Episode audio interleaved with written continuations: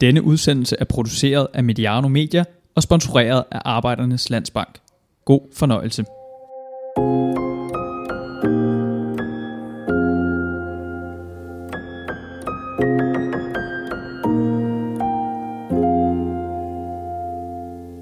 Velkommen til Mediano Magasinet. Mit navn er Peter Brygman. Jeg befinder mig i Mediano Studie 2 i selskab med fodboldstatistiker Benjamin Leander. Må jeg høre din stemme nu? Det må du gerne. God eftermiddag. Og fodboldtræner Rasmus Mortenrup. Er der hul igennem hos dig? Det er der. Uh, der var meget lyd der på dig, Rasmus. Jeg lige dreje den lidt ned der, sådan der. Vi skal gøre noget helt nyt. Vi skal behandle en spritny rapport, øh, der har knust, altså som i crunched, øh, som det hedder på udenlands, Superligaen, og sammenlignet den med Bundesligaen og Premier League. I har læst rapporten, før jeg fortæller, hvad den handler om og hvor den stammer fra.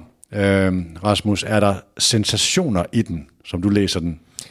Ej, sensationer er måske alligevel at, at, at presse citronen. Øh, der er nogle, nogle ting, som, som er overraskende. Øh, blandt andet det her med, at, øh, at vi faktisk i Superligaen ligger, ligger højt i, i antal minutter, hvor bolden er i spil. Det var, det var jeg egentlig lidt overrasket over. Der havde jeg måske lidt, lidt fordomme og lidt meget indkast og standardsituationer indenover, hvor vi jo også hvad hedder det, bonger lidt ud på, at vi øh, bruger rigtig meget tid i Superligaen, og også scorer rigtig mange mål efter standardsituationer. Så, så det var lidt overraskende, og så øhm, blev jeg egentlig bekræftet i, i noget af det, som sådan, ud fra et taktisk synspunkt, er noget af det, der, der springer i øjnene, når man kigger på Superligaen, nemlig i forhold til, hvor kommer gennembruddene fra, øh, mm. og det er det primært på siderne, det kommer vi selvfølgelig tilbage til. Vi kommer tilbage til, hvor man stikker ud. Jeg kan introducere udtrykket World Outlier, Øh, det er det udtryk, der bliver brugt om Superligaen i forhold til standardsituationer og nærmest extreme world outlier, når det kommer til indkast. Benjamin, hvad, hvad, har du fundet sensationer i den, eller store overraskelser? Nej, det har jeg heller ikke på linje med, med Rasmus. Man kan sige, jeg kigger det er fordi, I ved for meget. Den. Ja, det ved jeg ikke nødvendigvis, men jeg kigger jo meget på den med bettingøjne, og det jeg sådan bruger, bruger statistik til som værktøj, det er jo, at at dissekere en lille smule af en fodboldkamp. Det er jo også det vigtigste at sige her, at, at der går ikke komplet Ebbe Skovdag den med miniskørtet og skjuler det vigtigste. Altså statistik fortæller jo en, en ret væsentlig pointe omkring, hvordan kampe kunne være gået, og hvordan kampe sandsynligvis vil foregå, hvis statistikken holder stik over tid.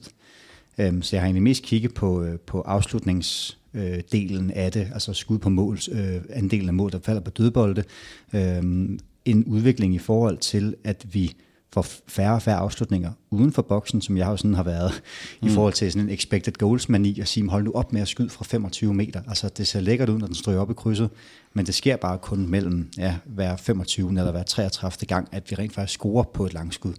Um, så, så det er sådan mest det, jeg har kigget på, og synes, det er, det er godt at se, at Superligaen er et, et forgangseksempel blandt de tre ligaer på, at vi kommer mere og mere ind på afslutninger inden for, for, for 16 meter. Det er det London-baserede firma Statsbomb, der over fem sæsoner har sammenlignet tilgængelige data på Superligaen, Bundesligaen og Premier League. Statsbom er stiftet og ledet af Ted Knudsen, øh, en amerikaner, der har, altså med danske aner, derfor navnet Knudsen, der har arbejdet med FC Midtjylland og Brentford i England. Han er jo tidligere bettingekspert, øh, Benjamin, og har lidt en baggrund af Aladdin, og er nu øh, dog ikke dommer, øh, og er nu en hovedperson i øh, data, scouting og analyse. Så han arkitekt og dybt involveret i dødbolde og standarder, som han jo har arbejdet meget med i Midtjylland øh, og i Brentford. Knudsen præsenterede selv sin rapport på det, der hedder fodboldens topmøde, som blev afholdt i Odense i går torsdag. Vi optager i dag her fredag eftermiddag. Det her alle kringlet, men det var alle cheftrænere, sportschefer og akademichefer fra øh, landshold, Superliga, divisionerne og akademier, Øh, der var en cheftræner, der havde meldt afbud, det var Bo Henriksen, og så var der vist et par afbud på dagen. Så det var i den grad et topmøde. Det var ikke umiddelbart åbent for offentligheden. Jeg var der i egenskab af ordstyrer, og I to har fået lov at tage lidt forskud på glæderne og har kigget på Knudsons rapport i et par dage. Har det været, øh, Rasmus, har det været spændende læsning for sådan en som dig? Ja, det har været ekstremt spændende, og det er jo altid... Øh jeg kan jo rigtig godt lide, at øh, når, man, når man kloger sig på noget, eller synes, man har noget, noget at byde ind med på et område, at man så også øh, nogle gange enten bliver rystet lidt i sin grundvold, eller også som, som her bliver bekræftet i, at, øh, at mange af de, øh, de ting, man, øh, man, man kigger på, det rent faktisk også er nogen, der sådan statistisk set kan, kan underbygges. Så, øh, så det synes jeg har været, øh, har været rart. Men, men som sagt, og det kan vi også komme tilbage til, har der også været nogle, nogle overraskelser, nogle ting, hvor vi siger, jamen der skal vi måske gøre lidt op med, med nogle af de der øh, sådan fordomme, vi har omkring, øh, omkring Superligaen i forhold til, til de andre ligaer. Øh, og så er selvfølgelig også det her med, at jamen, de her taktiske tendenser, der er, at vi jo selvfølgelig bliver inspireret fra højeste hylde, og det vil også sige, det er jo, det er jo tydeligt at se, at når noget slår igennem i mm. Premier League og i Bundesligaen, jamen så går der et år eller to, så slår det også igennem i, i Superligaen, og der synes jeg, der er noget interessant at udlede også i forhold til, at, om man måske skal kigge på, om man skal gøre den periode kortere i virkeligheden, om man skal blive bedre til i, øh, i Superligaen, også at udvikle nogle, øh, nogle hvad hedder det, nye taktiske tendenser tidligere, eller se, helt selv udvikle nogle taktiske tendenser, så, så andre ligaer kan få inspiration af, det. Og så vil jeg lige sige i forlængelse af Ted Knudsen og øh, bettingmæssige øh, ligheder osv. osv. Jeg, jeg kan jo godt afsløre, uden jeg skal, skal lægge min forretningsmodel på, øh, på bordet lige frem, at det er jo også det, jeg gerne vil fremadrettet, altså også med det, vi snakker om Mediano Data. Og jeg havde gerne set, at Bundesligaen og Premier League jo er jo økonomisk altså lysår foran Superligaen, og vil altid være det. Men jeg synes jo, det vil være interessant at gå ind og kigge på, jamen hvad med en liga som den belgiske, som jo ud fra en koefficientmæssig betragtning bør være det ypperste Danmark kan opnå, ligger nummer 8 lige nu inden for den, altså de sidste, de sidste fem års periode, øhm, hvor, hvor nærliggende ligaer som Schweiz og Østrig nok er mere sådan, hvad kan man kalde det, niveaumæssigt orienteret. Der vil jeg gerne lave en sammenligning og se, hvor er vi i forhold til de tre lande. Øh, og det kan man så øh, se, om det er muligt at gøre fremrettet. Det sigter jeg efter at gøre, og det kommer til at tage en helvedes tid. Men min sommer kommer til at gå med at dissekere den belgiske, den svejtiske og den, øh, belgi, eller den, øh, den østriske liga, for at se, jamen, hvordan bliver målene scoret, hvordan øh, sammenligner vi Superligaen med de her tre ligaer. Det kommer ikke til at blive en Ted Knudsen-rapport, eller bare noget, der er tæt på. Men, men det er det eneste forbehold, jeg har med konklusionen her. Det er nok, at det er, det er meget, det er meget de, at spise kirsebær med de store, øhm, i forhold til sensations øh, vinklen på de tal, der kommer frem. Lad mig sige, at man kan selv dykke ned i den her rapport. Den ligger tilgængeligt på øh, Divisionsforeningens hjemmeside, divisionsforeningen.dk. Den artikel, der ledsager den her udsendelse. Der vil vi også lægge et link ind øh, til den. Hvis jeg lige skal sige lidt om det her topmøde i går, det var sådan en international oplægsholder, og der var Daniel Mimmert, som vi tidligere har lavet en udsendelse med og interviewet nede i Tyskland, som er en tysk fodboldprofessor, der er en af sådan de førende tænkere i forhold til, hvad kommer efter, når vi analyserer på boldbesiddelse og den fysiske optimering. Det gør spilintelligensen, og der han arbejder med space control, hvor meget rum skaber en spiller, og hvordan han arbejder med det her, hvordan udvikler man de der kognitive evner. Øh, Jonathan Wilson, øh, en øh, virkelig, virkelig dygtig journalist fra The Guardian, Football Weekly og The Blizzard, han har stiftet The Blizzard, var der til et oplæg, og SDU kom med en, med en rapport om den fysiske udvikling i Superligaen og mængden af højintense løb. Til sidst var der en, øh, en paneldebat, hvor øh, Ståle Solbakken, Peter Sørensen, Paul Erik Andreasen og Niels Frederiksen, vi skulle ligesom have samlet de her emner op og konkluderet de der tråde. Øh, jeg tror, Ståle kom til at crash den der debat en lille smule, fordi han efterlyste et meget tydeligt DBU og en teknisk direktør, der kunne tegne måden, som man spiller fodbold på i Danmark. Og det, det, det kom der lidt en diskussion om, og jeg tror, det var sådan lidt det der indtryk, som folk gik derfra med. Det er et rigtig interessant uh, tanke i øvrigt. Uh, men jeg er ikke sikker på, at vi fik bundet alle de sløjfer, vi gerne ville på diskussionen uh, til sidst der. Uh, det er, altså, jeg tror, det er et emne, vi kommer tilbage til. Det han sagde, det var faktisk, at i Sverige har man haft succes med en tydelig kontinuerlig øh, linje over tid. I Norge havde man en tydelig kontinuerlig linje. Så kan man mene om den, hvad man vil, som han selv sagde, øh, men den havde succes i forhold til slutrunder. Det har man ikke i Danmark. Øh, og det er jo lidt interessant i forhold til Åke Harreide som landstræner, og tilbage til Morten Olsen-tiden. Så det er en, en diskussion, som fortjener meget mere i virkeligheden, øh, så som er interessant. Men jeg kan sige, Peter Møller og Flemming Berg og Jon Dahl Thomasen og company var der også, så de havde noget at tage med hjem til at diskutere derhjemme. Jeg ved ikke, om de inviterer Ståle til at uddybe synspunktet. Øh, Nå, udsendelsen her er som altid øh, øh, med Superligaen præsenteret i samarbejde med Arbejdernes Landsbank, som er Medianos hovedpartner og snart fylder 100 år i øvrigt og ny hovedsponsor på landsholdet, meget apropos. Inden vi går ombord i rapporten, kunne jeg godt tænke mig lige at tage en runde med jer i forhold til, hvordan I arbejder med data. Benjamin, hvad er data for dig? Jamen, data er jo, øh, har jo alle dage været lige fra min, min dommertid til nu, øh, som sådan har været der, hvor jeg sådan har excelleret på højeste niveau. Øh, I forhold til, til primært første division, men også nu i Mediano, at, at det har været en ekstrem del af min forberedelse. Øh, der blev sådan lidt trukket på skuldrene og grinet af mig, når jeg sådan lavede mit oplæg til, til første divisionskampe med linjedommer og fjerdommer i omklædningsrummet, fordi de sådan lidt sad og, og, og grinede af mig, når jeg sådan fremlagde, at jamen, i dag skal vi til altså, Roskilde Fredericia, og vi skal simpelthen være opmærksom på Mikkel Nør, fordi han er den, øh, den fjerde mest øh, hvad kalder man det på engelsk, er det fouled. Altså, der blev begået flere, flere, fjerde flest frispark på ham, blandt alle spillere i første division, som jo var noget, jeg brugte lang tid på at researche, fordi jamen, det giver bare et billede af, hvilket kampbillede vi får. En del af forberedelsen simpelthen? En del af forberedelsen, øh, hvor mange andre dommer, jeg har været ude med, sågar på Superliga-niveau, altså der har jeg, der har jeg fået en instruktion som fjerdommer i, at jamen, prøv lige at høre, øh, i dag skal vi være klar fra start af. Brøndby Stadion, øhm, der kommer til at være tryk på. Brøndby har, ja, Brøndby har tabt to i streg, det kan godt blive presset, og ingen overraskelser, holder øje med Vildtjek, og ja, det er bare det. Og jeg bare var sådan lidt, shit mand, tænk hvis en træner havde haft det oplæg fra i modstanderens mm-hmm. omklædningsrum og sagde, og sagde sådan noget der. Så du har altid været lidt nørdet? Jeg har været meget nørdet, og man kan sige, i bettingregi er det lidt noget andet, fordi jeg går jo efter de lavest hængende frugter på bettingtræet, som er U19-kvalifikation. Det er den 6. bedste liga i England. Det er Kyberns nedrykningskamp. Det er jo ikke P eller Bundesligaen. Jeg synes jo, det er sjovt og nørdet i Mediano-regi at finde målscorespil på Cristiano Ronaldo og at komme frem med en masse andre sjove ting og finde seks krydser i Superligaen. Øhm, men det er ikke der, den bettingmæssige værdi er, fordi både tæt og alle mulige andre statistikere også sidder med den her info. Mm. Øh, så jo større liga, jo mere info, jo mere statistik. Så det får at opnå en konkurrencefordel? Ja. Altså man, man dykker ned i data. Ja, simpelthen. Et spørgsmål, der ofte kommer fra lyttere, det er, hvilke redskaber har du adgang til? Har du købt dig adgang til? Og det opfølgende spørgsmål er, hvilke redskaber kan almindelige, hvor går man hen som almindelig fodboldinteresseret for at finde data? Hvis vi tager det første først, hvilke ekstra redskaber har du købt dig adgang til?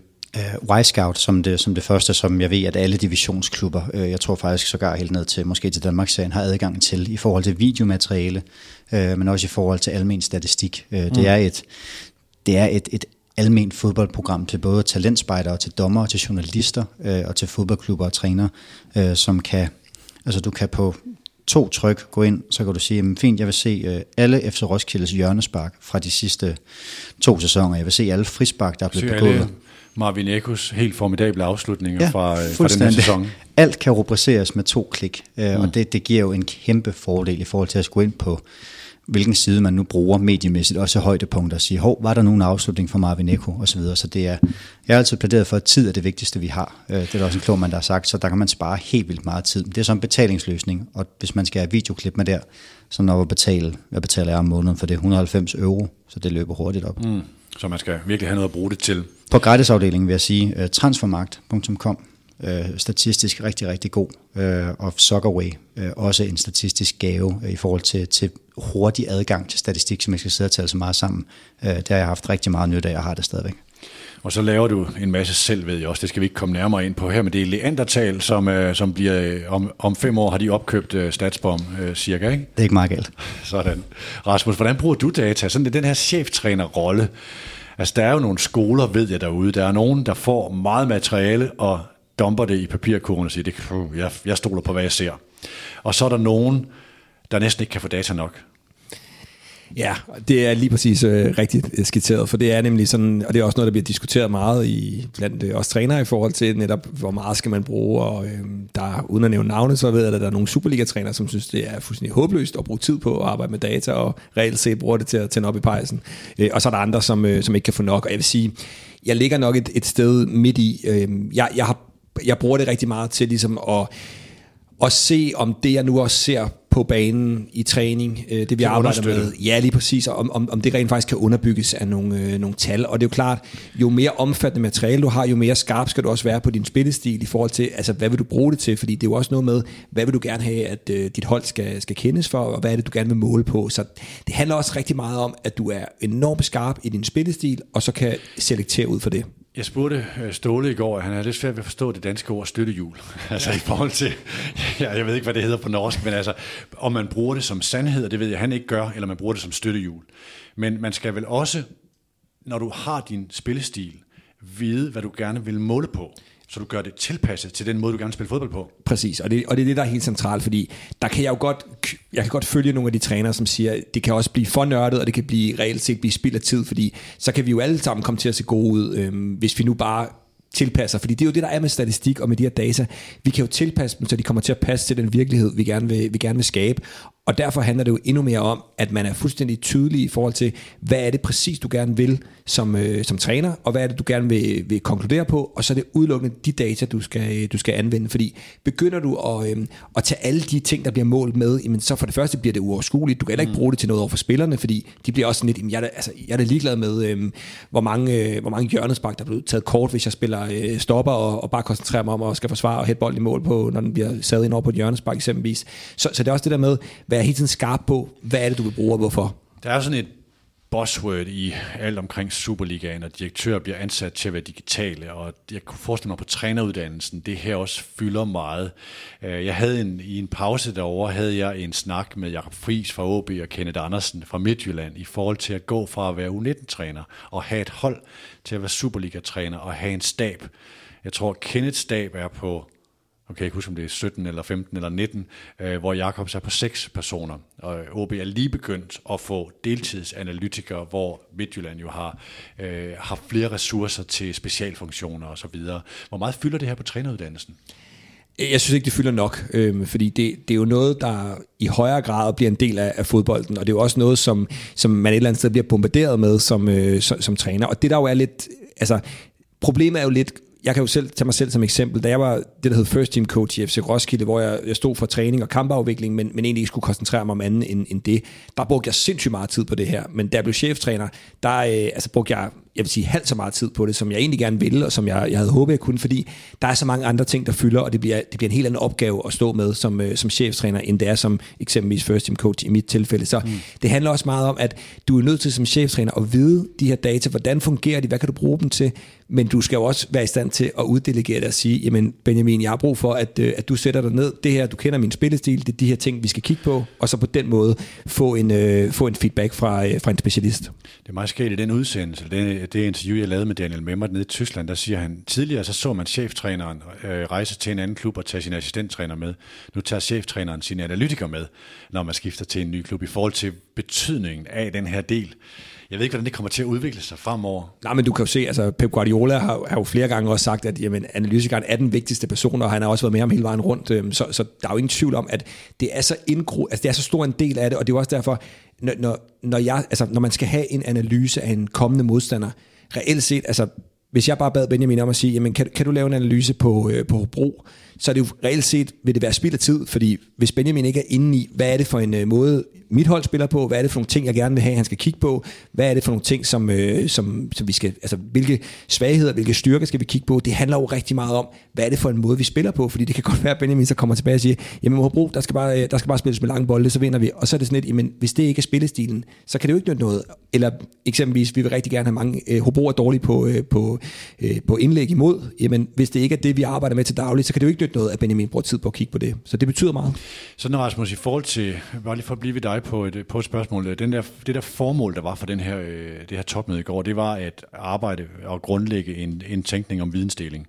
At vi skulle opnå en fælles konkurrencefordel i at dele viden. SDU-rapporten fortæller om, hvordan der er nogle minuttal omkring de højintense løb, efter du har taget dine fem højeste øh, løb, så hvor er den der fatigueness, som det hedder på engelsk, hvornår indtræder den der, hvor du egentlig er sårbar, både som spiller og som hold. Øh, øh, hvor, hvor pokker vi det hen med det, med det, med det spørgsmål? Det, men det er måske mere det her med, hvor dygtig er man til at dele viden øh, på tværs af klubber og, øh, og så videre? Ja, men det er man jo ikke så dygtig til, og det ligger jo også den, altså der ligger jo, der ligger jo den her lidt frygt i forhold til, at giver man nogle... Ja, konkurrencefordele. Ja, giver man nogle hemmeligheder, eller nogle, mister man nogle konkurrencefordele ved ligesom at, øh, at, at, at, at snakke meget sammen med de andre klubber. Og det er jo det, der er sådan lidt, det er jo, altså folk, der ikke er i den her verden, ved jo heller ikke, altså det er lidt paradoxalt det her med, at man jo er rigtig gode trænerkollegaer, men man er jo også konkurrenter, altså både i forhold til de samme jobs, som man, man måske kæmper om, men selvfølgelig også i forhold til, at man jo står i spidsen for hver sin, øh, sin klub. Så det er noget, der godt kan blive bedre i forhold til det her med, at udvikle spillet, altså den her lidt idealistiske idé om, kan vi udvikle spillet? Jeg synes jo, der er nogle paradoxer. Nu afslører jeg lige noget for åben mikrofon i forhold til Rasmus' og mit virke med hensyn til at sige, jamen, hvem vil fortælle om deres spillestil i det taktiske værksted? Jeg har i overvis hørt trænere sige, at vi har en for lidt kvalificeret fodbolddebat i Danmark. Den er meget bedre i andre lande. Det taktiske værksted er lavet, fordi vi gerne vil blive klogere på, okay, Bo Henriksen, hvordan spiller Horsens så? Skal vi prøve at lave en mythbusters i forhold til den måde, de spiller på? Øh, vi stødte ind i FC Midtjylland, der ikke ville øh, fortælle om deres måde at spille på, fordi de var bange for at afsløre det, hvor jeg tænker, jamen, det, er, det, det er medietrænede mennesker, det er selvstændigt tænkende individer, de bestemmer sgu da selv, hvad de vil sige. Ikke? Øh, og Midtjylland vil jo gerne fortælle om, så har vi en hjerneforsker, så har vi en indkasttræner, så har vi en sparketræner, hvilket de er beundret for og de uh, inspirerer andre for. Hvad er din, nu skal vi ikke, øh, det her bliver selvfølgelig strafspark uden målmand i forhold til, uh, til, at vi gerne vil have en åbenhed, men hvad tænker du om den her tænkning, forretningshemmelighed versus vidensdeling? Jeg kan jo, jeg, altså jeg kan jo et stykke hen ad vejen godt følge det i forhold til Danmark, der er et meget lille land, og man møder hinanden rigtig mange gange i løbet af en sæson og så videre. Men, men, men det er jo også, den omvendte, det omvendte hvad hedder det, argument er jo netop, at der er så meget mulighed for så meget data, og der er også mulighed for at se så meget på, på modstanderne. Så de der tider, hvor man kunne overraske rent mm. taktisk, de er jo forbi, og, og det er jo også derfor, at jeg jo et eller andet sted mener, at man i, i bund og grund som, som Flemming P. op i, i Nordsjælland også øh, anskudte sag, jamen vi har en så tydelig stil, at hvis de andre ikke ved, hvad det er, vi gerne vil, så, så, så, er det, så, så er vi ikke dygtige nok. Så skal vi være endnu dygtigere, for det skal være sådan, at de andre skal nærmest kunne fortælle os, hvad, hvordan er det, I spiller, fordi vi er så tydelige i det, vi laver. Og, og det er jo igen det der med skolerne, hvor, hvor er man henne i forhold til det, i forhold til at være lidt mere pragmatisk, eller være ekstremt tydelig i, øh, i det, man gør. Så, så jeg synes, igen det her med, til kamp for bedre fodbold. Meget idealistisk, mm. men hvis vi gerne vil forbedre fodbolden, så, så er det jo også vigtigt, at vi bruger hinanden. Og, og det synes jeg, vi træner er gode til, når vi er ude af job, men lige så snart vi kommer i job, så bliver vi måske lidt mere lukket. Så en tilskyndelse til at øh, dele den viden, der nu kan deles for at kunne inspirere hinanden. Øh, en analytiker, hvordan fanden bliver man uddannet til analytiker? Der er man også nødt til at stå i lære nogle steder og, øh, og bruge hinanden der. Nå, lad os prøve at dykke ned i den her rapport. Jeg har bedt jer trække tre ting ud, som I hver især finder interessante. Benjamin, du kom lidt blæsende herind øh, og på cykel og så videre. Øh, har du nået at, at trække de tre ting ud, som du finder, finder mest interessante? Altså jeg har jo, som jeg sagde indledningsvis, det er primært noget at gøre med, øh, med skud, og så har jeg jo altså, kigget på, på selve altså det, der hedder øh, frispark og advarsler, øh, også fordi vi havde en debat for nylig omkring det her med, blev øvrige klubber forfordelt i forhold til FC København, og det her med, med debatten omkring øh, manglende advarsler, øh, der skal flere frispark til osv., det afslører rapporten jo ikke i den forstand øh, i forhold til antal frispark. Øh, der er en, en generel statistik, der hedder fouls versus cards, siger, hvor mange frispark skal der til, før, øh, før der kommer, kommer en advarsel. Øh, jeg har primært kigget med dommerbriller, og så øh, expected goals briller. Øh, så det er jo de tre ting, jeg sådan har, har, har kigget på. Mm. Øhm, men som indledningsvis sagde, så var det omkring det her med skud uden for boksen. Øhm, det er jo vigtigt at sige, at for mig er expected goals ikke en sandhed. Nu så jeg, at udmærket Sara Skarum, øh, nu på Berlingske, tror jeg, fortsætter på politikken. Nu politikken, nu er Berlingske. Nu politik, yes, og FCK-tilhænger. Og FCK-tilhænger, gift med en FCK-tilhænger også. Øhm, mm. Hun havde en, en, en betragtning omkring expected goals, at det simpelthen var noget pjat. Øhm, og, og det er jo sådan lidt, der er ikke nogen, der, det er ligesom med koriander, altså enten så hader man det, eller så elsker man det. Bare spørg Nela øh, og sige, at expected goals, der er ikke nogen, der har en nogenlunde neutral holdning til det. Jeg prøver at have det i forhold til at sige, at det er ikke den fulde fortælling, øh, og det er derfor, der var så så meget omkring det her med Rasmus Ankersen og Table of Justice, at han blev grint af hver gang og sige, Nå, men hvordan ligger I i forhold til Table of Justice, og sige, jamen, han, det han siger er jo sådan set bare, over tid vil vi ifølge statistikkerne få mere, end vi har fået indtil videre, når vi underpresterer på Table of Justice, som så er expected points eller expected goals. Um, så, så det er mest stille, øh, det er bare for at lave en disclaimer, der hedder, jeg siger ikke, at det er, er sandheden og sådan noget, men jeg har det, når jeg kigger på det her med afslutninger uden for boksen, øh, som jo er øh, taget under behandling her i analysen, og sige, jamen jeg synes, det er, det er påfaldende at se, hvad, hvad det er gået fra til Superligaen i forhold til, at vi, øh, vi er nede på 45 procent af afslutningerne i den her sæson 18-19, der falder uden for boksen, øh, og 50 procent, faktisk 55 procent af afslutninger, der falder inden for boksen, altså 16 meter. Øh, hvor det tal jo for øh, bare tilbage i, øh, i omkring 14, 15 og 15, 16 lå på 50-50. Og så kan man jo tage nogle enkelte betragtninger. Det er jo ikke noget, rapporten i sig selv beskriver, men, men bare for at tage et eksempel på, hvad det vil sige at være ineffektiv uden for boksen. Hani Mukhtar har 147 afslutninger siden sæsonen 17-18, det vil sige øh, den blændende sidste sæson i Brøndby, og den her nu. 147 afslutninger fra tyskeren. To mål. Fra de positioner? Fra positioner uden for boksen. Mm. Det vil sige, det er også blokeret skud det er frispark, det er alle afslutninger, der kommer uden for 16 meter. 2 på 147. Øh, statistisk set scorer man på omkring hver 20. langskud, øh, i og med at expected goals på de her afslutninger. Det er jo selvfølgelig forskel på, om man skyder fra 20 meter, som er tættere på 0,07, tror jeg der, og fra 30 meter, som er tættere på 0,01. Øhm, men det siger bare noget om, hvor ineffektiv han i Mukhtar har været, og hvor kan man sige, jamen, havde det ikke været bedre at bruge hans energi på noget andet? Jeg lavede også det her på Twitter, hvor der var flere, der sagde, at der kan også være noget taktisk, i forhold til, at man hellere vil have en afslutning, som går til målspark, man vil give en omstilling væk, og det kan jeg jo godt følge, men ikke 147 gange. Mm. Øh, så, så, så indstuderet er det selvfølgelig ikke. Øh, men tilsvarende synes jeg også, at vi skylder Robert Skov en, en ode. Altså, øh, nu er det tre ligaer, der er fokus på i den her rapport med Superligaen, Premier League og Bundesligaen. Og blandt de tre ligaer med spillere med flest mål uden for boksen, 2018-2019. Nummer 1, Robert Skov, 14 mål på 64 afslutninger. Vi tager den lige igen med Hani Mukhtar. 2 på 147. Skov 14 på 64. Nummer 2, Paco Alcácer med 4 mål. Internationalt, ja. Eller, eller på de ligaer. På de ligaer, ja. ja. ja. Øh, det, øh, med, med den negative og jantelovshatten på, vil jeg sige, at det kommer aldrig til at ske igen, at en spiller præsterer på det niveau. Hvis man tager det med, med, med altså lovprisningshatten på, må jeg bare sige, det er så unikt, altså det er historisk.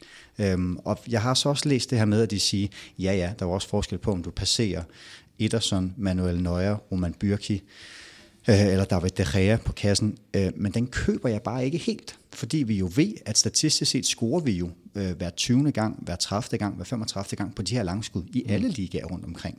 Så det har jo noget at gøre endegyldigt med hans afslutningskvalitet, måden de ryger ind på. Selvfølgelig ved jeg godt, at, at Grydebyst også har set svag ud i parken, men altså undskyld, David De Gea så svag ud så sent mm. som altså for ganske nylig på et langskud mod Barcelona øh, nede på Camp Nou. Øhm, så, så jeg synes ikke, vi kan reducere det til held eller øh, manglende kvalitet i ligaen. Selvfølgelig er han en, en hvad var det Knudsen kaldte det, en world, world outlier, outlier i forhold til, til det her med at hamre 14 ind. Men, men det er så vildt, altså i forhold til, at de næstbedste på det her niveau scorer tre gange så få mål, mm. som Skov gør. Til de lyttere, der måtte, øh, for at komme det spørgsmål i forkøbet, der findes ikke data på, hvor mange Lars Højer lavede på en enkelt sæson. Vi kan bare huske, at han lavede mange. Øh, jeg tror, vi skal have fat i ham selv, for lige at høre, om han selv kan huske det. Øhm, Rasmus, øh, jeg ved, du har også trukket nogle ting ud i forhold til de ting, du finder mest interessante. Ja, altså øhm, vi kan jo starte med øh, lidt omkring den her, øhm, den her snak omkring Superliga og, øh, og udvidelse, og øh, er, er, de, altså, er der for stor forskel på, på holdene? Og en af de ting, man kan kigge på i forhold til det, det er jo, øh, jamen, hvor mange mål scorer top 5 holdene så. Og, og der synes jeg, det var lidt, altså det er jo interessant, generelt er der jo en tendens til, at, øh, at afstanden bliver større og større, det vil sige, øh, hvad hedder det, bund 5 holdene scorer færre mål, og top 5 holdene scorer flere mål, det vil sige, gabet mellem dem bliver, bliver større og større i alle tre ligaer. Og, og, og især i Premier League, der er det jo meget tydeligt, altså også i forhold til den økonomi, der er kommet ind i Premier League, at top, altså top 6 hold er simpelthen blevet så gode, at der er alt for stor for ja, det er afstand. Premier League, at de rigeste bliver mest rige, og den, altså kurvene spredes mest, ja. så forskellen mellem top og bund, altså top 5 og bottom 5, bliver størst i Premier League, øh, fordi de rige bliver så exceptionelt rige. Øh, så det er faktisk der, forskellen er størst, hvor Danmark er mere, der ligger top og bund 5 tættere på hinanden. Ja, og der kan man sige i forhold til det her med, at, at mål, antal scorede mål, der, der er det jo lidt paradoxalt, når vi taler om, at, at Superligaen øh, er for, at den ikke, ikke er jævnbyrdig nok, øh, når det argument bliver brugt. Altså, der kan være rigtig mange gode grunde til, at man ikke skal have 14 hold i, i Superligaen, men jeg synes ikke, man skal bruge argumentet, at, at det er alt for let at, at, at top, top 5 holdene scorer alt for mange mål, fordi det viser rapporten her, det gør de jo ikke. Altså, der kan man sige, at både Premier League og Bundesligaen ligger jo lidt markant højere, hvor, øh, hvor top 5 holdene scorer flere mål. Så, så det synes jeg jo et eller andet sted indikerer, det er jo noget af det, jeg godt kunne tænke mig i dansk fodbold, at vi havde topholdene, de store hold, de scorede flere mål, fordi en ting er selvfølgelig det her med, at jamen, vi får også nogle spillere, som når vi ser i den hollandske liga, at, øh, at hvad hedder det, øh, hvad hedder Dusan Tadic, han hammer kasser ind, øh, og, og nu er han oppe på Benjamin en 23 mål i bare jeres tror jeg alene, ikke? Og, og viser jo lidt om det her med, at vi har, vi har de her spillere, der scorer så mange mål. Der kunne jeg godt tænke mig, altså hvorfor skal vi ikke bare have i Superligaen? Altså hvorfor skal FCK ikke bare vinde 6-0 hver, hver tredje, fjerde uge, og så får vi nogle spillere, der bliver skudt afsted for, øh, for en masse penge, og, og bliver rigtig dygtige og kommer til, til udlandet, fordi de scorer en masse mål. Så der synes jeg, øh, der synes jeg altså, der er noget at hente i forhold til, der kunne jeg godt tænke mig, at topholdene i Danmark blev endnu bedre, og når man kommer foran 2-3-0 i en kamp, jamen, så, så, så smadrer man altså modstanderne. Det, det savner jeg, og det synes jeg også, at den her rapport, den underbygger, at, at det vi altså ikke gode nok til. Tophold i Danmark skal være bedre til det. Og det er, nu spillede jeg selv, øh, jeg har en sølvmedalje fra Gentofte Volley øh, i min tid som U17-spiller, øh, og, og jeg, var, jeg var ret god til, øh, til at lægge den op til hæveren, men smash var ikke min stærke side. Jeg tror faktisk, jeg havde et vellykket smash i hele min tid. Øh, nummer to kommer nu, fordi det er en perfekt hævning for Monrup i forhold til min pointe nummer to, i forhold til det, han siger. med det her med, altså jeg forbinder meget, Spanien har det jo også det her med, at når man kommer op på fem mål, 5-0, det er det ydmygelsen. Der er forskel på fire og fem mål, og det er jo selvfølgelig en, hvad kalder man sådan lidt en, en romantisk betragtning omkring, at 5-0-sejren er, er en ydmygelse, hvor 4-0 er en stor sejr. Men det her, hvor mange gange ser vi egentlig, at, at Superliga-holdene laver fem mål i en kamp? Altså, jeg tror, at det, det vil komme som en overraskelse for de fleste. Selvfølgelig ved jeg godt, at vi i Superligaen har lige et par færre kampe over øh, 2016 til nu, med mellem, det bliver så for topholdenes vedkommende 36 kampe, FCK 37 en enkelt sæson, og så 38 i, i La Liga, og, eller undskyld, i Premier League og i Bundesligaen. I Bundesligaens tilfælde jo kun, kun 34. Men hold som Bayern München har jo de sidste fem år, det der min statistik primært går fra, øh, i forbindelse med Wisecout, der er det fem år, og også i forbindelse med, med rapporten, hmm. at, at der har Bayern lavet mindst fem mål 19 gange Øh, Manchester City har lavet øh, mindst fem mål 18 gange, Liverpool 11 gange, og det har endda været i, i, i sæsoner, hvor de ikke hele tiden har været i den situation, de er nu. Øh, Dortmund, som har ligget nogenlunde kontinuerligt, men trods alt også har haft nedgangssæsoner 12 gange, alle sammen to cifrede, det jeg nævner nu. FCK og Midtjylland, trods alt mastodonter gennem nogenlunde kontinuerlig tid over de fem år her, kun seks gange hver. Flere gange mod Helsingør blandt andet. Brøndby kun fem gange tre af gangene sidste sæson i den her, jeg ved ikke, om vi kan kalde den for en world outlier, jeg vil hellere kalde det for en historisk flot præstation under Soniker. Tre af deres fem femmålskampe kommer der. En mod Lyngby i øvrigt, hvor Lyngby får Mikkel Rykker udvist tidligt, og en anden mod Helsingør. Øh, og så det er jo der, vi ser dem alt for få gange, som jeg er helt enig med Monderup i. Men det har også noget at gøre med, at vi jo ikke ser et oddsmæssigt styrkeforhold, som er, som vi har i Bundesligaen hvor øh, Liverpool her i morgen, lørdag, giver odds 1,07 mod Huddersfield. Det ved jeg godt. Der er også en, en, en ting der med, at Huddersfield er rykket ned, og vi har et, et mesterskabshold, der er topmotiveret. Men 1,07 i Superligaen vil vi jo aldrig, aldrig, mm. aldrig mm. nogensinde se. Så vidt jeg husker, er 1,14 på FCK mod Hobro noget af det laveste, vi har set. Vi har haft 1,17 på FCK mod Vestjylland, og der er bare forskel på 1,07 til 1,17. Det er, når der minder om 90 procent til 80% sejrsandsynlighed. Ja. Øhm, så selvfølgelig kan man sige, at bundniveauet i Superligaen er nogenlunde højt. Sådan kan vi også tage det, at vi ikke har en Huddersfield, vi har ikke en Hannover, øhm, eller, eller nogle af de andre hold, som virkelig er, altså er rekorddårlige. Selvfølgelig vil jeg godt, at jeg selv har været efter Hobro og kaldt dem for Superligaens Huddersfield. Øhm, men, men de bliver bare ikke vurderet som et så dårligt hold, for det er vigtigt at sige, at lige nu bliver FC København jo vurderet som tæt på oddsmæssigt historisk stærke mm. i forhold til, hvad vi ellers har set. Uh, Manchester City for eksempel i, i, i Premier League giver odds 1,5 mod Manchester United på udebane. Det er sådan, altså, vil nogen slukke mit football manager spil, som er gået for langt over tid, i forhold til, hvor vanvittigt det lyder. Um, men, men jeg synes, det er interessant at se det her med, at, at forskellen på top og bund ikke er så stor i Superligaen, altså i forhold til men, men det, Og det bliver nemlig også underbygget af, fordi det, der er interessant, er jo det der med, når vi, når vi kigger selvfølgelig på, på antal afslutninger, og hvordan man kommer frem til afslutninger, og selvfølgelig også antal scorede mål. Men, men det der jo også, hvis man går lidt ind i rapporten og kigger på, jamen, i forhold til possession og i forhold til succesrate på afleveringer, så ser vi jo også bare, at i Superligaen, der er, de meget, altså der er top- og bundholdene meget tættere på hinanden. Det vil sige, at vi har ikke det der store gap, som vi har i Premier League, hvor vi har nogle, nogle altså mange kampe, hvor vi næsten er oppe på efterhånden nærmere, altså jeg tror i løbet af et par sæsoner, så vil vi komme op på 1000 afleveringer. Altså vi, vi er på vej deroppe af, og det vil også sige, i, i Superligaen er det meget sjældent. Øh, ifølge rapporten er vi kun én gang været over 750 øh, hvad hedder det, afleveringer, og det siger jo også lidt om det her med, den der ekstreme dominans, den, den hænger jo også sammen med, altså det, du scorer også flere mål, hvis du dominerer fodboldkampene, mm. og, og der kan man sige, i Superligaen, der er kampene, som, som du også siger, Benjamin, ud for et, øh, for et hvad hedder det, oddsmæssigt synspunkt, så er de også, de er også tættere kampene, og, og, og det handler jo også om spillestil, om taktik, i forhold til at dominere ja, Men det er et spørgsmål om kvalitet, eller, øh, altså, eller er det et spørgsmål om middelmodighed?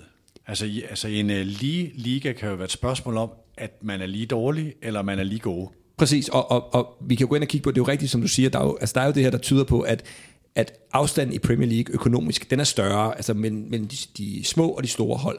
Men, men den burde jo også, altså det burde være mere udtalt i Superligaen, at FCK med deres budget burde være markant mere dominerende. Og så ved jeg godt, der også kommer noget med spillestil, og at det jo ikke i sig selv en succes, at du har rigtig mange afleveringer, eller du har over 70% possession i alle dine kampe. Men jeg siger bare over tid, hvis du dominerer kampene så voldsomt, så vil du også score flere mål. Og det er der, hvor jeg, hvor jeg måske savner lidt i dansk fodbold, at der er den her med, at vi har de her hold, der er så dominerende, som vi ser de andre ligaer. Men der er vel også, uden at skulle gøre det til en statistisk, eller statistisk tilfældighed, så er der vel også, hvor stor er en top. Altså i Danmark har vi nu i to sæsoner haft to hold i en top, hvor i England har man enten fire eller seks hold i en top. Er det, er det Big Four eller Big Six, vi taler om? Jeg ved ikke, om det kan kaldes en statistisk tilfældighed, men det tror jeg spiller ind, når du måler på netop top 5 versus bottom, øh, bottom 5. Og, og det vil det selvfølgelig gøre, men, men der synes jeg også bare, man skal med i den ligning, at vi jo netop har udvidet Superligaen, og det vil sige, at vi har også fået, til, altså vi har også fået nogle flere såkaldte dårlige hold ind, så, så der burde stadigvæk være en, en større grad af det her med, at man kan dominere kampene. Og så kan jeg jo ikke sige, at uh, Gentofte Volley vil blive uh, interessant, før end du aner det. Michael Trolle? Nej, lad os lige se, om der kan være en ja. uh, lille cliffhanger der. Der ja. kunne være noget, der er interessant i weekenden, men uh, mere om det senere. Uh, lad os prøve at kigge på altså, i temaer, så tager vi spillestil. Når man, når man måler, når man kigger på statsbomrapporten, så er der, man dribler mindre i Superligaen. Der er mere standard, øh, som vi har været inde på, og der er mere direkte spil. Øh, er der en dansk enart, og skal der være en dansk enart? Den er nok primært til dig, Rasmus. Jamen, det er der ud fra, fra rapporten, og egentlig også ud fra det, man sådan ser, når man sidder og kigger på, på Superligaen kontra øh, Premier League og, øh, og Bundesligaen, som er dem, vi har med i rapporten her. Så, så er der jo den her tendens til, at det er altså, ekstremt velorganiseret. Det er det også i, øh, i, i de store ligaer, altså Premier League og Bundesligaen.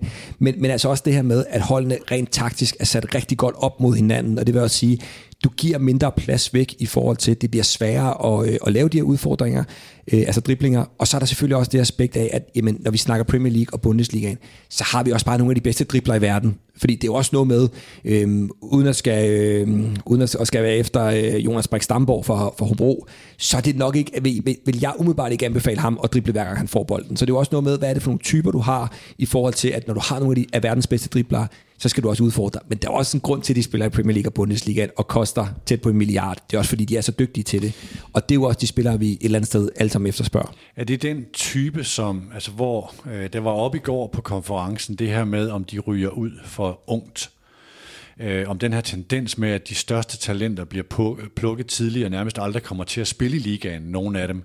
Er det, en, er det derfor, at vi ser færre driblinger i Superligaen øh, end, i, end i andre ligaer, der har råd til at plukke de her spillere?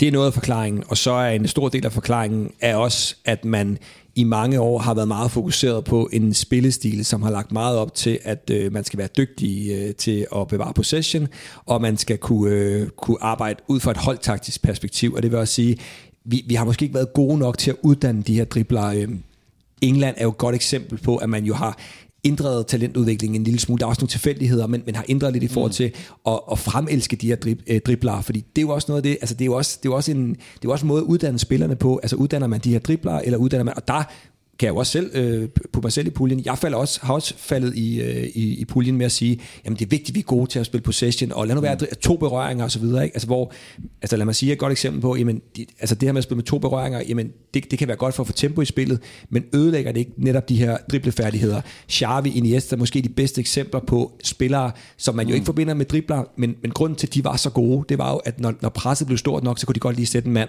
og, og så kunne de spille derfra. Og det er måske det, vi, vi har manglet. Jeg tror, hvis man spurgte ude i korridorerne i går i, øh, øh, på det her topmøde i Odense, så vil det være sådan en lille smule øh, fundamentalisme. Er man til standarder, eller er man ikke, afhængig af hvor den enkelte klub er i spillestil. Jeg stillede øh, til Knudsen spørgsmålet om, hvis det der med, at vi er så dygtige i Danmark til standardsituationer og, øh, og så videre, den her world outlier ting, skal vi så, hvis man definerer det som at være en sten i skoen på de andre. Vi er svære at spille imod, vi er irriterende at spille imod. Skal vi blive dygtigere til det andet, eller skal vi prøve at blive en større sten i skoen? Hvad tænker du, Rasmus? Jamen, jeg tænker, det er, det er en ekstremt interessant diskussion netop det her med, at om det er det, vi så skal, altså skal vi så kendes på i dansk fodbold, at det er det, vi er så dygtige til. Men, men der vil jeg bare stadigvæk hvad hedder det, fremføre den påstand, at det er bare ikke nok. Altså, du, du kan simpelthen ikke over tid have succes, heller ikke i Europa, hvis du kun er rigtig dygtig på standardsituationer. Men, men jeg synes, det er vigtigt, at det ikke bliver en religion. Altså, at det ikke bliver, mm. at enten er du for standarder, eller også er du den her possession-orienterede træner, der kun vil, der kun vil, vil spille fodbold. Altså, jeg har selv været over at besøge uh, Brentford, og, og jeg var så inspireret af at se en spillestil, som under Thomas Frank og, og Brian Riemer derovre, jo har fokus på at dominere kampene med bolden, men samtidig bruger de uh, nærmest minimum en time til hver træning på at, at træne standarder. Så du kan jo, det behøver jo ikke være, at standarder kun er, at du spiller med lange bolde og tager lange indkast. Det er jo også at bruge tid på, når du har målspark, når du har indkast bare i halvdel. Altså, det er jo en del af spillet, en stor del af spillet, så, så jeg synes ikke, det, det er ikke to ting, der udelukker hinanden, men, men jeg, og jeg tror, det er rigtig vigtigt, at vi ikke falder i den der grøft med at sige, enten er det A, eller også er det B. Altså, det kan godt hænge sammen, de to ting.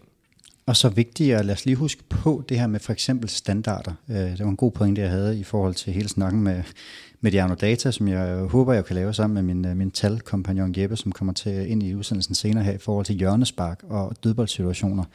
Øh, men han sagde jo altså, hvorfor er det, vi ikke har set øh, succes hos FC Midtjylland over de sidste par sæsoner i Europa? Hvorfor de røde til Astana? Hvorfor de har haft de her flukes mod europæiske hold, som på papiret bør være sværere end dem? Øh, og det har noget at gøre med den her enormt dødbolds øh, standardsituationsorienterede spillestil, som de har haft succes med i Superligaen men hvor det har bare vist sig i udlandet, at det har bare været nemmere at forsvare sig mod, hvis man kommer fra, jamen en ting er, hvad Astana formåede over to kampe, men også i Premier League. Altså vi kan alle sammen huske den sæson, hvor øh, Rory Dallap kastede indkast ind i boksen, så hvis man bare, om så kommer der nok et mål nu. Men det er jo ikke noget, der er blevet kopieret. Og hvorfor er det ikke det? Jamen fordi klubberne er blevet dygtigere til at forsvare sig på standarder. Øhm, jeg skal ikke komme op med tal på det, men Nordsjælland eksempelvis er jo blandt de hold, der lukker færrest mål efter hjørnespark, fordi de er hammerne dygtige til at forsvare sig mod både indkast, hjørnespark og generelle frispark ind i boksen. Øh, så jeg tror på, altså som Rasmus siger, det er jo sindssygt essentielt at træne det, fordi det bare er, om ikke procenter, så bare promiller. Men vi har jo set, hvad promiller og procenter kan gøre i forhold til fodboldkampe ved at vinde eller spille uafgjort, eller spille uafgjort og tabe. Så det vil da være fjollet og udelukke som en del af værktøjskassen, bare fordi man religiøst er mere til mm. øh, possession, end man er til dødbolde. Jeg tror også, en af konklusionerne fra det, der blev snakket om i går, også den her fleksibilitet, at man skal kunne flere ting. Øh, nu var det ikke oppe med Danmark-Polen øh, 4-0 på en overraskelses- og overfaldstaktik, men den er jo svær at repetere ret mange gange i en kontinuerlig øh, specielt i en liga, hvor man spiller mod hinanden mange gange. Jeg vil sige, inden vi går til næste tema, så skal jeg lige sige, at SDU i morgen øh, øh, lørdag har forskningens døgn. Det er en lille del af, eller en lille del af det er en paneldebat om talentudvikling med blandt andet DBU's talentchef Flemming Berg, Ph.D.-studerende øh, og forskere med international erfaring. Jeg er til en afveksling ordstyre, der er åbent hus der, så der kan man kigge forbi, hvis man har øh, målgruppen er faktisk øh, talenter og deres forældre øh, til at høre, hvordan man, øh, man bedst gør det her. Hvis vi lige prøver at gå på eller, øh, temaet omkring dødbolde, vi har været rigtig, rigtig meget omkring det øh, arbejdet i Danmark og indkast og så videre, men du sagde indledningsvis, Rasmus, du var overrasket over, hvor meget bolden var i spil. Jeg går ud fra, at det har en sammenhæng med, med, øh, med, en, med en antagelse omkring det her. Ja, lige præcis. Og det er jo måske der, hvor jeg siger, at vi nu siger jeg vi, men også jeg, jeg selv falder i den der, den der fælde med at sige, jamen kigger måske lidt på, på Horsens, og så per automatik tænker, jamen, vi har Horsens som Midtjylland, der bruger rigtig meget tid på, på standardsituationer. Jeg har også nævnt det før, FC Nordsjælland bruger også rigtig meget tid på standardsituationer.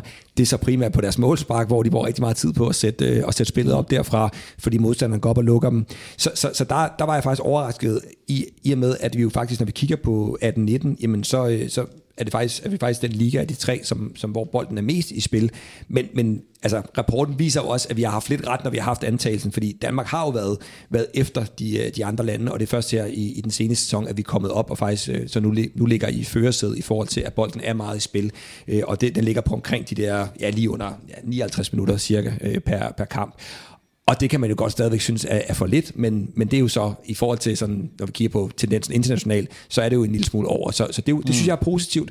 Øh, og, og det er jo igen en af de der sandheder med, og, og det er jo der, hvor jeg også synes nogle gange, Horsens får skudt nogle, nogle ting i skoene, som ikke er helt retfærdige i forhold til, at, at fordi de bruger tid på de her, øh, de her indkast, jamen, så bliver det sådan, det bliver sandheden, at de bare er sådan et hold, der, hvor bolden aldrig er i, øh, i spil.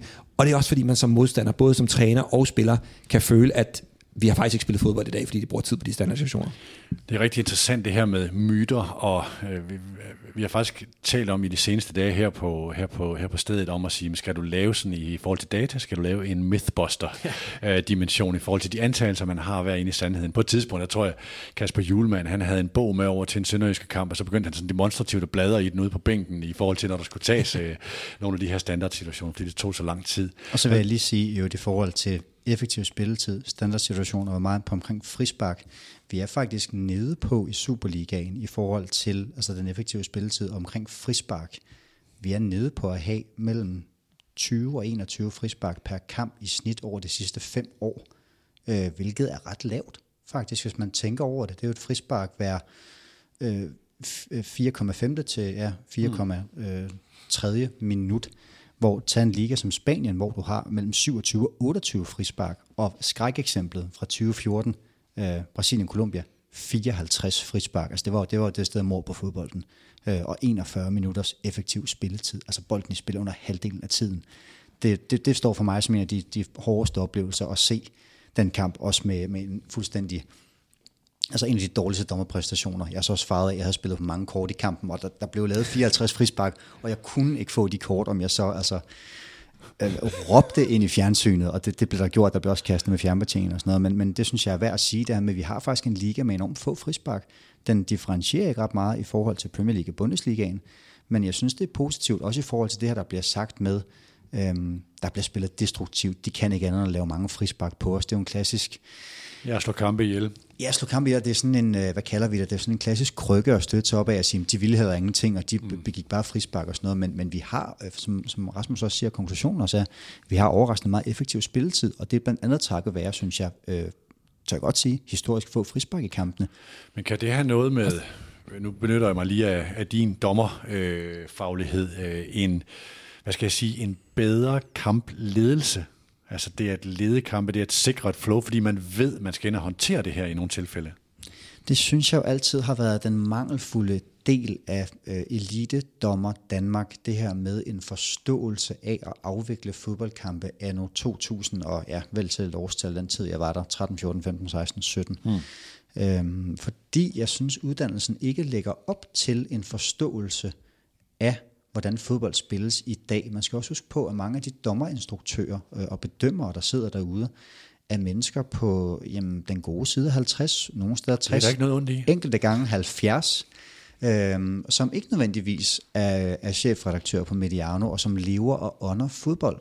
Det er nogen, der kan have taget en, en diplomuddannelse mm. rent fodboldmæssigt, og måske har stået en venstre bakke i skolegården, men som ikke ved, hvordan man sådan lige kigger på, jamen, øh, Horsens. Øh, jeg havde en kamp nede i Roskilde med Rasmus øh, mod, øh, mod Horsens, hvor de tager 0-1 i en kamp med sindssygt mange frispark, hvor jeg tror, Horsens vinder gule kortstatistik med 5-1, hvor et af mine udviklingspunkter efter kampen bliver, jamen, det nytter ikke noget, du bare knaller gule kort afsted til Horsens for at begå, at de stopper sindssygt mange øh, omstillinger i, øh, til Roskilde den kamp, og får jo Øh, gule kort for at stoppe et låneangreb.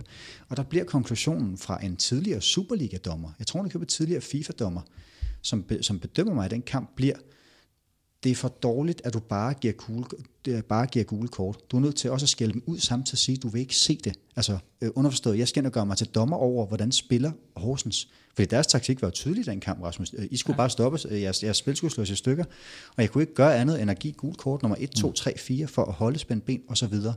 Men der får jeg at vide af en DBU-instruktør, jeg skal, jeg skal ind og lege moralens vogt i forhold til at sige, jeg vil ikke se, at I laver så mange frispark. Det svarer til, at du som politibetjent øh, stopper øh, en af jer to for at køre for hurtigt, og både skælder dig ud, og, siger og, fy. Og giver en bøde samtidig. Det er sådan, nej, nej, enten må du vælge. Enten skal jeg have en skideball, og så lader du mig gå, eller så skal jeg have bøden, og så skal du bare klappe i i øvrigt. Mm. Øhm, så, så jeg synes, der er en del af det her med, at jamen, vi skal blive bedre til i dommerregi og, og uddanne vores dommer til at se, hvor står fodbolden 20, 18, 20, 19 og også fremadrettet, fordi det er nogle old gamle uddannelser, Så det er i virkeligheden, for at tage Ståles idé, en, en, også en teknisk direktør, altså i forhold til, hvordan udvikler spillet sig, hvad er det, vi gerne vil tilskynde, at ligge i dommerlinje også. Ja, også fordi øh, vi var sådan, vi var jo op hos, øh, hos, øh, hos Farum og, og, og Kasper i første periode af, af Nordsjælland i Iran, hvor vi lærte, at jamen, i kampen med Nordsjælland, der er det fordelagtigt, at dommeren kommer så meget til venstre, som vi kan, fordi Nordsjælland gerne vil bygge op øh, ind over midten, øh, og der risikerer man at komme i kampolage med det. Men det er jo bare én taktik. Hvordan gør man så, når vi skal ud til Rasmus' Roskilde? Hvordan skal man ud, når vi skal til, øh, hvad fanden vi er, Thomasbergs Hobro, eller noget helt tredje? Så jeg efterlyser en af stille bare, ja, Randers' ja, nu var det bare dengang, ja, han var i Hobro. Ja. Øh, men det, jeg efterlyser bare en større samhørighed mellem dommer og træner i forhold til at sige, ved du hvad, jeg har faktisk set noget video med jer i weekenden, Øhm, hold da op, der er godt nok, jeg synes det er svært at læse jeres lange bolde, og der skal man jo kunne stole på, at det er en fortrolighed, der bliver, sådan så jeg ikke øh, snakker med Rasmus, og så øvrigt går til Jonas Dahl bagefter og siger, jeg har snakket med Rasmus, og han har sagt, osv. osv. Mm. Men det der med, at dommerne er taktisk bedre forberedt på, hvad der venter dem, jeg tror altså også, nu skal det ikke blive en dommerdebat det her, men jeg tror altså også, at vi vil se en drastisk nedgang i mængden af grove kampafgørende fejl, hvis dommernes fodboldforståelse blev noget bedre. Altså bare lige forhold til det med, med statistik, hvordan man kan bruge det, for det er nemlig interessant det der med, hvor mange frispark, der bliver begået. Jeg talte med en, med en spansk øh, trænerkollega, som, som nemlig, hvor, hvor jeg også, det er, jo, det er jo bare fordi, det er en liga, hvor, hvor altså, I spiller hårdere i, i Spanien, men hvor han bare koldt konstateret, jamen det er jo klart, når I i Danmark bare sparker langbold hele tiden, så kan man jo aldrig nå at lave frispark. Så det er jo også det der med netop, hvordan, hvordan bruger man de her, fordi det er jo også fordi i Spanien, bliver der lavet langt flere frispark, fordi holdene forsøger at erobre bolden højt, fordi rigtig mange hold spiller ud, og det vil sige, det er ikke de der voldsomme frispark, der bliver lavet, der bliver lavet de der små frispark, hvor man siger, okay, kan jeg erobre bolden her, så scorer jeg, så tør jeg godt tage chancen og sige, okay, jeg laver en lille frispark. Øhm, spørg Solskjaer i forhold til Citys øh, taktik, som han jo også var ude af tale til, ligesom Mourinho at sige, jamen, de laver en masse frispark op på modstanders banehalvdel. Og det er jo igen det der med, det handler jo også om taktik og spillestil, og hvis du bliver ved med at spille over et pres, så giver du heller ikke modstanderen mulighed for at lave frispark. Og det er jo det, vi er tilbage til i den her FC København statistik med, når de får, øh, de får langt færre kort, på trods af, at de laver mange frispark og sådan noget. Øh, jeg var også inde på det i forhold til, at jeg pointerede, jamen prøv at høre, det har bare ikke nogen sammenhæng. Altså kig bare på første division i år, en række, der sådan er ret, ret gennemsigtig, hvor man kan sige, at Lyngby ligger øh, nummer to på, øh, på listen over færrest begået frispark, men får flest advarsler. Jamen, hvad fortæller det noget om? Det fortæller os jo ikke en disse om, at nogen bliver forfordelt øh, i noget aspekt. Det fortæller højst sandsynligt en beretning om, at Lyngby måske bliver fanget mere ofte i ubalance, og derfor må trække en, ikke en nødbrems, men trække i en situation, hvor siger, stop et angreb, det er jo bare et gult kort hvor tilsvarende laver Viborg øh, tredje flest frispark, igen et tophold, Næstved laver jo et næstflest, og det er de to hold, der ligger mm. øh, meget, meget langt ned på skalaen over gule kort modtaget. Viborg ligger sågar sidst, har fået færre gule kort af alle med 32.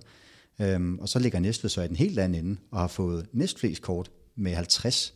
Og det fortæller os jo bare at sige, at Næstved og Viborg begår stort set øh, lige mange antal frispark, men bliver bare fanget i en anden form for ubalance. Mm. Og der kan du så tage den det sidste stykke og sige, jamen så er vi jo nede på, at kunne gå så langt som at sige, jamen, har det noget at gøre med boldbesiddelsen? Det kunne det meget, meget nemt have øh, i forhold til, at der har Viborg ekstremt meget boldbesiddelse, og Næstved har, altså øh, i forhold til at status som tophold, der har de jo ingenting. De ligger på 44, Viborg ligger på 54. Vi har været omkring tema nummer 3, som jeg har noteret her, det var den der top 5 mod øh, de nederste 5. Øh, så kommer vi frem til det sidste tema øh, af de planlagte, jeg har her, som er unge spillere.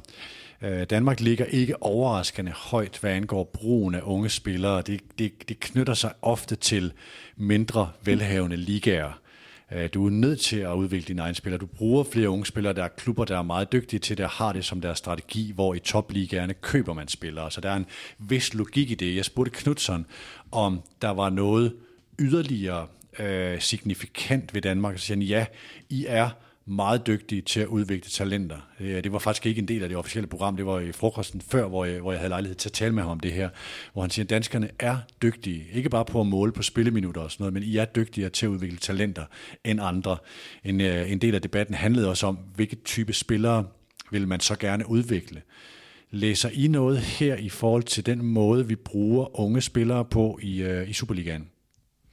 Nå, men jeg, jeg synes, der, der er det jo igen det der med, når man kigger på dansk fodbold generelt, så er der jo selvfølgelig også nogle hold, der springer ud, og, og der er Nordsjælland jo, selvfølgelig OB er også ved at komme, komme rigtig godt efter det, nogle hold, der springer ud, fordi gennemsnitsalderen er så ung, og de bruger så mange af deres, øh, deres egne unge spillere, så er det jo klart, så bliver det samlede billede bliver måske også mere positivt, end sådan, hvis man kiggede på alle klubberne øh, generelt. Så, så det skal man selvfølgelig have med. Og så synes jeg, det er, det er interessant, det som øh, rapporten konkluderer i forhold til, at målmænd og, øh, og forsvarsspillere er, er yngre i, i Superligaen end i, øh, i Bundesligaen og, øh, og Premier League.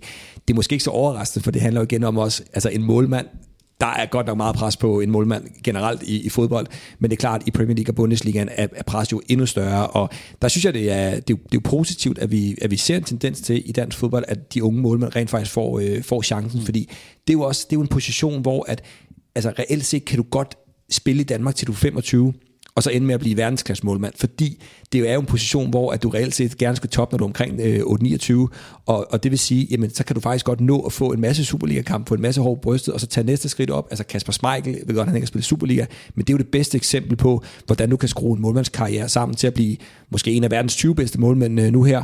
Og det har han jo, altså det var der ikke mange, der havde regnet med, da han stod i, øh, i League 600 i, i England. Så det, det synes jeg er et eksempel på, at man faktisk godt kan, kan, kan bruge det her med at sige, jamen vi er en lidt mindre liga, så kan vi godt give nogle, øh, nogle minutter til nogle målmænd og til nogle forsvarsspillere. Det synes jeg er positivt. Måske også fordi træningsmetoderne, altså man er blevet dygtigere til at træne de her Bestemt, og, og, og så er det jo også, altså jeg har jo i mange år sagt, jeg synes det er, det er mærkeligt, at man i, i Holland og i Ajax især kan, kan give debut til 16-17-årige spillere. Hvorfor kan vi ikke det i Superligaen? Men det er vi jo, altså vi ser det jo nu. Vi ser jo selvfølgelig igen Nordsjælland som et, øh, et godt eksempel, men vi har altså også set AGF øh, blandt andet begyndt at bruge nogle rigtig unge spillere, og det synes jeg er, er en, fed, øh, en fed tendens, og, og så kan man sige i forhold til sådan det, det generelle, så, så er det jo også det med, at det tyder på, at man i alle tre ligaer er blevet bedre til, ud fra rapporten, er blevet bedre til at give unge spillere øh, chancen. Og, og der synes jeg også, der er en vigtig pointe i forhold til, at, øh, at det her med, at det generelt er de, øh, de store hold, altså de bedre hold, som, øh, som giver chancen til, til de unge spillere. Og det er jo igen en ting, der taler for, kan vi få nogle hold, der kan dominere ligaerne, så, så kan det også være godt for de unge spillere. Ja, hvor man på et tidspunkt talte om, at barrieren var ved at blive for høj, at, det, at, at, at FC København var nødt til at sælge ud, inden de nåede Superligaen, fordi øh, skridtet op til Delaney og Company var for stort. Der ser man det faktisk nu ske. Og, og det har man jo længe gjort i Midtjylland. Og hvis man skal trække øh, hvad hedder det, øh, perspektivet også til, til, til Premier League og, og til Manchester City, så er det jo det, jeg glæder mig sindssygt meget til de næste par år at se, fordi den her The City Way, den skal jo gerne slå igennem nu, så det ikke kun er Phil Foden, men at vi de næste år rent faktisk ser mange flere spillere fra Citys akademi tage skridtet op til, øh, til Premier League. Hmm. Og så synes jeg i forlængelse af det, det er jo noget med os, altså det er jo akademiarbejdet, altså bare tage, hvad der er kommet i løbet af Masterclass School of Excellence, som hedder noget helt andet nu, FCK Talent. Øh, men så også, hvad der har været succes før, og det er jo ikke noget, rapporten i den forstand påpeger. Det er jo kun sæsonerne fra 14-15 og frem efter, men det er jo bare interessant at se, jamen det, bare tage som eksempel, det OB-hold, der vinder sølv tre år i træk, altså da de gør det i omkring 2009-2010, der er det jo med et alderdomshjem af et hold, altså med primært Thomas Helve på, jeg tror han når at blive 39 eller 38, da han spiller den sidste kamp for OB øh, i den sæson men har jo også, altså i sølvsæsonen fra 10, der har du Roy Carroll, Adroa Holland, Anders Møller Christensen, Chris Sørensen, Stefan Vessels, Hans Henrik Andreasen og Andreas Johansson, der alle sammen på det tidspunkt var Oldboys-spillere. Altså otte mand profiler på det hold der. Nu ved jeg godt, at, at Thomas Helve kun havde en marginal sæson. Men ellers altså Luther stamspillere på det hold, mm. som var Uldborg-spillere på et tidspunkt. Det er jo fuldstændig utopi at se i dag. Ikke desto hold. mindre fortsat flere af dem i, i andre klubber. Ja, ja, det gjorde de absolut, og det siger noget om deres, deres mm. udløbstid engang. Men jeg synes også, det fortæller en del om, om akademisatsningerne og ungdomssatsningerne. Måske også på et tidspunkt, hvor vi stod øh, omkring finanskrise, andre økonomiske ting, hvor det jo ikke var efter lyst, at akademiarbejdet blev, blev frem elskede. Det var mere en økonomisk virkelighed, der hed, prøv at høre, vi kan altså ikke bare lige øh, hive Erik Jemba Jemba hjem øh, fra Manchester United til OB øh, og, og tilbyde ham øh, øh, øh fuldstændig astronomiske lønninger. Øh, synes også, det er sjovt at se, hvad der sådan er sket dengang. Altså FC Midtjylland vinder øh, mesterskabet med, øh, med Francis dengang øh, på holdet også, som, som er blevet 36 nu. Øh, så det er sjovt at se, hvad der sådan skal til i forhold til at kigge nu og sige, jamen selv på FCK's, hvad kan vi, synes jeg godt, vi kan tillade os at sige, om ikke Rosenborg-tilstande mandskab, men trods alt et, et, et meget, meget, synes jeg godt, vi kalder det et pågørende hold i forhold til deres topniveau lige nu, og øh, afstand til resten af ligaen. Altså, vi har øh, Damendøje på 34, jo, det anerkender jeg, men derfra, altså, øh, ingen udover Bjelland og Seca, der er fyldt 30 i starten. Øh, men derimod, altså ungdomsspillere, Darami, øh, Dahim, som alle sammen har fået debut, Modrasja 21. Så det er jo bare et tegn på, at hvor man før i tiden havde pengene til at hente fodboldpensionister, som Jemba Jemba hjem, og så endnu længere tilbage, Jesper Grønkær, Brian Laudrup, øh, så er det nu det der med at hente talent fremover og betale, er der 2 millioner euro, de betaler for Modrasja, som jo tydeligvis er hentet til som en udviklingsspiller. Mm. Der var også en dimension, øh, som Knudsen var inde på, uden at besvare den. Det var det her med at sælge til andre danske klubber. At danske klubber har en udtalt reservation mod det her. Det har selvfølgelig noget med budgetter. Hvordan vil man gerne have spillerne op i niveau og sælge til bedre betalende ligaer og sådan noget. Det har også, det har også noget at sige. Vi er nået på 58 minutter og 30 sekunder. Jeg har lovet... Øh, øh, Benjamin Leander, at øh, han ikke får for, for, øh, for lang en bagkant i forhold til at komme ud af klappen. Øh, men der skal være rum til at få sidste konklusioner med, så øh, inden jeg begynder at tale om øh, tidspunkter og Medianos øh, røvkedelige fredagsbar og eksperter, der aldrig kommer til dem og sådan noget, så, så skal jeg lige høre, om der er nogle sidste pointer, I skal have med. Jamen, jeg har lige to, jeg skal prøve mm. at gøre det sådan relativt kort, øh, fordi jeg synes, det første, der er, der er interessant, det er også lidt en, en kæppe, jeg har i forhold til det her med, at at den her, øhm, jeg ved ikke om man skal kalde det, øhm, at folk har lidt en, øh, et, en udfordring med, at øh, et hold som Manchester City og generelt de her possession-orienterede hold, at, øh, at de ødelægger spillet, og det bliver for kedeligt osv. Men, men det er jo bare interessant at kigge på, at der er jo bare en tendens til, at altså possession-graden bliver højere og højere i, øh, i, altså, ud fra et, øh, fra gennemsnit, også i forhold til, at der kommer færre omstillinger. Og det er jo det, jeg synes, man skal, man skal have med for, altså man skal have for øje, at det er jo også en måde at undgå de her omstillinger imod, hvor man ofte indkasserer mål. Det er jo ved at holde fast i bolden og være dygtigere og have en større succesrate i dine, øh, i dine pasninger. Og, og der, der synes jeg, det er lidt jeg ved ikke om det, bekymrende er måske alligevel lidt for stærkt ord, men det er i hvert fald noget, vi skal være opmærksom på i dansk fodbold, at når vi kigger på, hvor kommer gennembrudene henne, så er det jo tydeligt, at vi, får, vi har markant flere indlæg, altså gennembrud fra siderne i dansk fodbold, end i, øh, end i Premier League og i, i Bundesligaen. Og, og hvorfor siger jeg det? Det gør jeg, fordi at når du, når du laver et indlæg, så sætter du jo på en måde bolden på spil, og det, det, det, præcis, og det kan være rigtig, rigtig godt i forhold til at score mål, men det er også bare en chance at tage, øh, og det gør også bare, at der kommer flere omstillinger imod, og, og det er jo noget, der i hvert fald i Europa kan blive straffet rigtig, rigtig hårdt, øh, og, og det handler også om kvaliteten af spillerne, det handler også om, at det er trods alt nemmere at lave gennembrud på siden, fordi der er ikke lige så mange spillere, du skal igennem, øh, men alligevel så, så er det noget, vi godt kunne blive bedre til dansk fodbold at sige, kan, kan vi også have gennembrudene centralt i banen, fordi det gør bare, at mm. dine muligheder i forhold til omstillinger, og altså det der er jo også interessant, nu ved jeg godt, det er 19 sæson, men det her med at kigge på, jamen altså den måde, som Brøndby som har skabt gennembrud på, er jo mere en international trend i forhold til at, at, at skabe mange af gennembrudene centralt, hvorimod eksempelvis FC København, de blev bedre til det, men stadigvæk er deres primært skaber de jo gennembrud på siderne. Nå, det var den fredagsbar, vi kom fra. Øh, det ender ofte med, at øh, Sture øh, og jeg og et par drengene kommer til at sidde alene på en eller anden vinbar, mens vi kigger efter. Nå, der kommer heller ikke eksperter i den her uge. Og nu er Sture så ovenikøbet blevet far i den her uge, så jeg tror ikke, jeg skal regne med ham i dag. Stort tillykke til Sture, som er blevet far til Sonja. Øh, tusind tak til dig, Rasmus. Rigtig god weekend. Du er tilbage mandag morgen med en analyse af op til Barcelona-Liverpool i det taktiske værksted. Ja, jeg skal faktisk også en tur i, til Klampenborg Galopbane i morgen og snakke uh, lidt om, uh, også, ja. om giganternes fald i Champions League. I, I Champions League, så der er masser af Champions League på vej, og apropos det, der ligger derude en uh, rigtig, rigtig fin udsendelse om Ajax, et portræt af Ajax uh, i det taktiske værksted med dig og Francis, uh, hvor Francis blandt andet fortæller om uh, eller fortæller om Wilfred van Hanegem, er det ikke det, han hedder? Jo. Som hedder Det Krome på hollandsk, og det her med, at han er lidt rundbenet og krumbøjet, og han personificerer Feyenoord, hvor Johan Cruyff personificerer Ajax, og Francis haft som, som træner. Der er nogle ret unik indsigter i det der. Øh, Benjamin, Jamen, det, var, op. jamen, det var en sidste pointe. Øh, jeg har lige... Du har simpelthen se, fundet noget der? Jeg kan se på uret. Jamen, det er egentlig ikke så meget... Jo, det er også i forhold til rapporten, men det her med, med i forhold til, øhm, til hjørnespark hvordan de bliver slået i boksen. Øh, og det er egentlig ikke så meget. Der er ikke nogen statistisk øh, world outlier der. Øh, de, øh, rapporten pointerer meget på det her med, at jamen, udadskruet hjørnespark øh, og indadskruet hjørnespark, hvad er mest effektivt og sådan noget. Der er ikke rigtigt. Altså man har før haft en... Knudsen mener, det indadskruet ja, er, ja, er mere farligt, ikke? Lige jo, ja. i forhold til, til, at den bliver skruet ud af. Øhm, men der har jeg jo sådan arbejdet med, på, sammen med, med, med statistik Jeppe, øh, på at få, at få altså vi valgte hjørnespark som det første, vi gerne vil kigge igennem, for at sige, jamen, hvor meget er hjørnespark egentlig værd i, øh, i, i fodbold Danmark 2018-2019? Og det er vigtigt at sige, det har jo handlet om, at han har sat sig ned, Jeppe, og kigget alle hjørnespark, der er blevet slået i Superligaen igennem for den her sæson. Det har taget en masse aftener. Han har en datter, der heldigvis sover. Det gør han manuelt? Tid. Det gør han manuelt. Wow. Og så har han altså lavet en, øh, nogle, nogle konvers, øh, konversionsretter, der hedder, efter hvor mange hjørnespark kommer klubberne til en afslutning øh, hver især, og der er en afslutning jo så, at det skal være i forbindelse med hjørnesparket, så et hjørnespark, der bliver hættet ud af boksen, afsluttet på første gang, det tæller, med et hjørnespark, der bliver hættet ud af boksen, slået ind i boksen igen, og så hættet på mål tæller for eksempel ikke. Det skal være første berøring mm. direkte efter. Og det er vigtigt at sige, at det tal, der er opdateret sidst efter runde 25, men de har jo stadigvæk en vis form for aktualitet i forhold til, at hold som OB kommer frem til en afslutning, og det er bare én afslutning hvert 8. hjørnespark, hvor tallet for, øh, for FCK er tættere på øh, hvert tredje hjørnespark. Øh, så det der med, hvor meget at mål egentlig værd, så kan man sige, jamen, hjørnespark mål ratio. Hvor mange hjørnespark skal der til for at score et mål? Øh, I, øh, I FCK's tilfælde var det før Nordsjælland og før Midtjylland, var det et mål per 40 hjørnespark. Hvor for FCM, igen, øh, klassiker med, med at satse på det, var det et mål hver 16. hjørnespark. Og det er en stor forskel på at score hver 16. og hver 40. 20.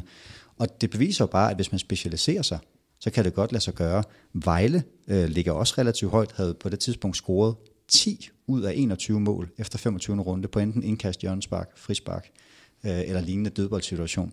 Så jeg synes bare, det er værd at bemærke det her med, hvad bruger man sin hjørnespark til, mm. når, når man bliver rasende over et kort hjørnespark, som bliver øh, trillet ud og bliver slået et eller andet håbløst indlæg ud over sidelinjen. Så det siger, jamen, brug nu jeres hjørnespark fornuftigt, og hvad kan det egentlig blive til i forhold til et hold som AGF, der sidste sæson scorer ni gange efter hjørnespark. Langt største af tiden med David Nielsen, den her sæson har scoret to gange og kommer frem til flest afslutninger efter hjørnespark af alle hold i hele ligaen. Så det er sådan next level statistik i forhold til, hvad kan vi med statistik? Hvordan kan vi måle hjørnespark i forhold til, der bliver ikke øh, lagt mærke til afslutninger på hjørnespark. Der står bare hjørnespark, og der står skud på mål hver for sig. Mm. Og det er sådan det næste, jeg gerne vil ind på i det her Mediano Data-univers med, hvordan kan vi, hvordan kan vi ligesom udfordre expected goals en smule? Fordi det er jo bare at sige, jamen afslutningen fra, fra 5 meter lidt, lidt midt for målet, det er 0,3. Bum. Uanset om du er presset, om du er upresset eller noget andet. Så jeg synes, der er, der er en masse spændende arbejde forud med data, men den vigtigste opgave, synes jeg faktisk, er at udfordre expected goals og komme med nogle valide øh, sidefaktorer, såsom eksempelvis mislykkede clearinger, der fører til efterfølgende afslutninger, og alt muligt nørdet tal, hjørnespark, effektivt i forhold til afslutning efter det. Så jeg synes, der er, der er stadigvæk et, et stort stykke arbejde forude, men jeg, det er også det er lige til at lave. Så jeg håber bare, at, at der kommer en, en statsrevolution, som også så kan der er gøre... mange flere lag at gå ja, ned i. fuldstændig. Og det Vil det også være det taktisk, Rasmus?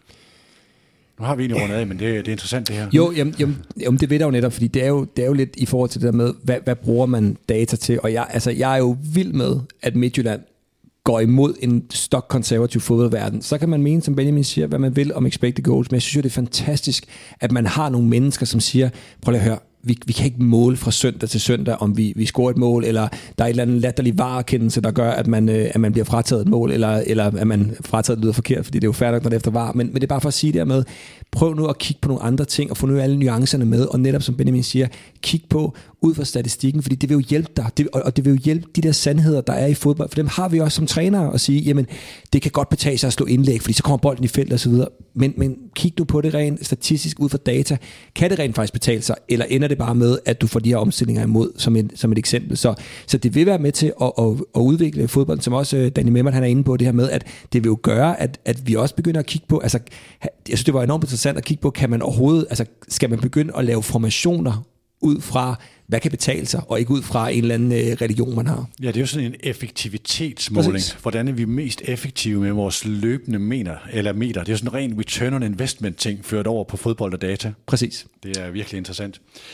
Jeg tror, vi er gået godt i gang med et tema, som der kommer meget mere om i, uh, i Mediano. Uh, med og uden statsborg, det kan være, det bliver med Leandertal.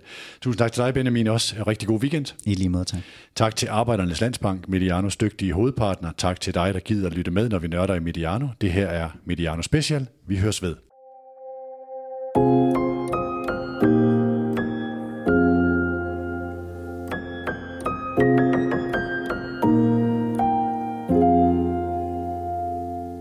Udsendelsen var produceret af Mediano Media og sponsoreret af Arbejdernes Landsbank.